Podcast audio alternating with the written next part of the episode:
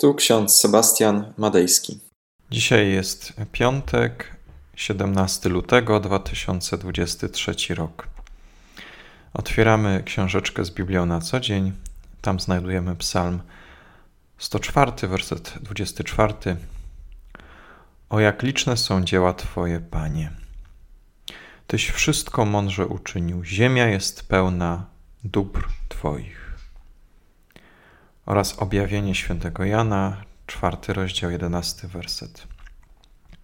Godzien jesteś, Panie i Boże nasz, przyjąć chwałę i cześć i moc, ponieważ Ty stworzyłeś wszystko i z woli Twoje zostało stworzone i zaistniało. Jeszcze takie słowa z pieśni 846, którą bardzo lubię. Gdy na ten świat spoglądam, wielki Boże, coś stworzył go wszechmocnym słowem swym. Gdy myśl ma ludów policzyć nie może, które na świecie rozmnożyłeś tym. Me serce w uwielbieniu śpiewa Ci, jak wielkiś Ty, jak wielkiś Ty.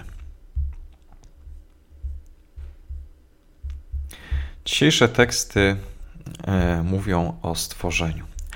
Od czasów opublikowania teorii Karola Darwina w XIX wieku przyjęło się mówić, że nauka i religia, w szczególności biologia i ewolucjonizm, stoją ze sobą w radykalnej sprzeczności. Wiele osób ze skrajnych stron debaty twierdzi z jednej strony, że nauka jest w stanie udowodnić, że Boga nie ma, że świat zaistniał sam z siebie.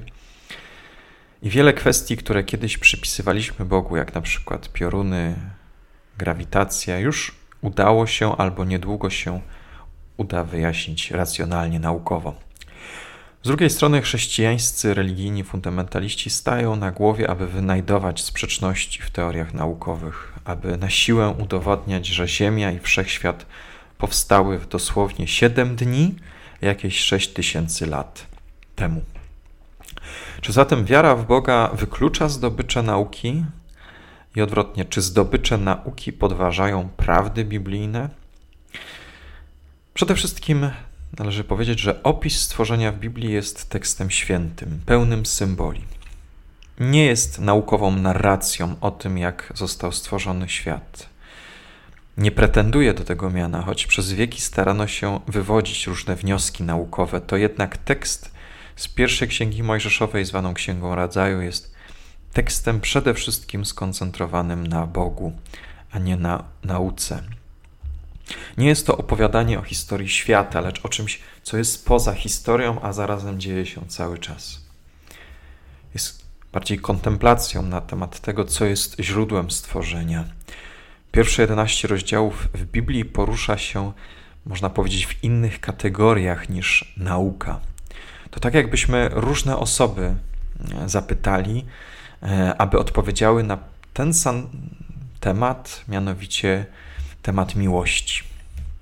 Poeta będzie tworzył poezję o miłości. Stworzy utwór, który jest piękny pod względem literackim, jednak pozbawiony będzie tych elementów, na które zwróciłby uwagę chemik piszący o miłości. Biolog będzie pisał o enzymach, o hormonach, o substancjach w organizmie, kiedy towarzyszy człowiekowi miłość. Neurolog będzie pisał jeszcze inaczej na temat miłości. Zwrócił uwagę na reakcję neuronów w mózgu i innych częściach ciała. Tak samo jest z pisaniem o początku świata. Autor pięcioksięgu piszący o stworzeniu świata nie odpowiada na wszystkie pytania, lecz uwypukla te aspekty początku świata, które są istotne dla teologii, nauki o Bogu. Zatem widzimy, że można mówić o tym samym zjawisku w różny sposób, różnym językiem, z różnych światów i kontekstów można mówić o tym samym. To jest oczywiste, że e, wielokrotnie zastawia się takie pytanie: kto ma rację, Biblia czy nauka? I od razu popełnia się fundamentalny błąd. Niestety, Właśnie fundamentaliści chrześcijańscy, chcąc stworzyć pozory sensowności tekstu biblijnego dla nauki biologii, chemii i fizyki, stworzyli bardzo zajadły front antyintelektualny w tej debacie. Jednak warto zaufać temu, że wiara i nauka wcale się nie wykluczają, lecz uzupełniają się. Cały ten opis stworzenia w pierwszej księdze Mojżeszowej ma nie tyle być chronologicznym zapisem, ale przekazać nam, że całe stworzenie pochodzi od Boga. Wszystkie jego elementy są dobre. A nawet jako całość stworzenia jest bardzo dobre, jak czytamy w pierwszym rozdziale, 31 wersecie. Warto zauważyć, że historia z Księgi Rodzaju to też pewna polemika z pogańskimi wierzeniami, które czyniły z ludzkości i świat niezmierzoną pochodną walki lub współżycia różnych bóstw. Biblia stwierdza natomiast, nie jesteś przypadkowym tworem. Nie jesteś niechcianym dzieckiem chaotycznego i przypadkowego świata. Cały wszechświat jest owocem tego, że Bóg jest życiem, miłością, sprawiedliwością i dobrem. Z tego wszystkiego, z siebie samego Bóg daje to, co ma najcenniejszego, abyśmy my żyli, abyśmy my właśnie byli Jego stworzeniem. I w ten poetycki, teologiczny sposób pisze psalmista: O jak liczne są dzieła Twoje, Panie, Tyś wszystko mądrze uczynił. Ziemia jest pełna dóbr Twoich. Dla nas płyną z tego następujące wnioski. Jesteśmy Bożym stworzeniem, czyli należymy do Stwórcy. Sensem naszego życia jest przynależność do Boga, który nas powołał do życia. Już nie żyjemy tylko dla siebie, żyjemy dla tych, których Bóg umieścił wokół nas. Im bliżej Boga jesteśmy, który jest źródłem miłości, sprawiedliwości i dobra, tym bliżej jesteśmy siebie nawzajem. To było dobre. Wszystko, co Bóg stworzył pierwotnie, było dobre, doskonałe. Jednak oddaliliśmy się od tego. Kłótnie, polemiki, prowadzące do podziałów, prowadzą do jeszcze bardziej pogłębionego chaosu.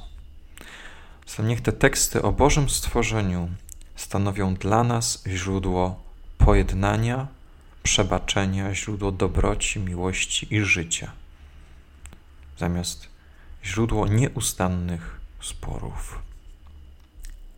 Amen. Pomódlmy się.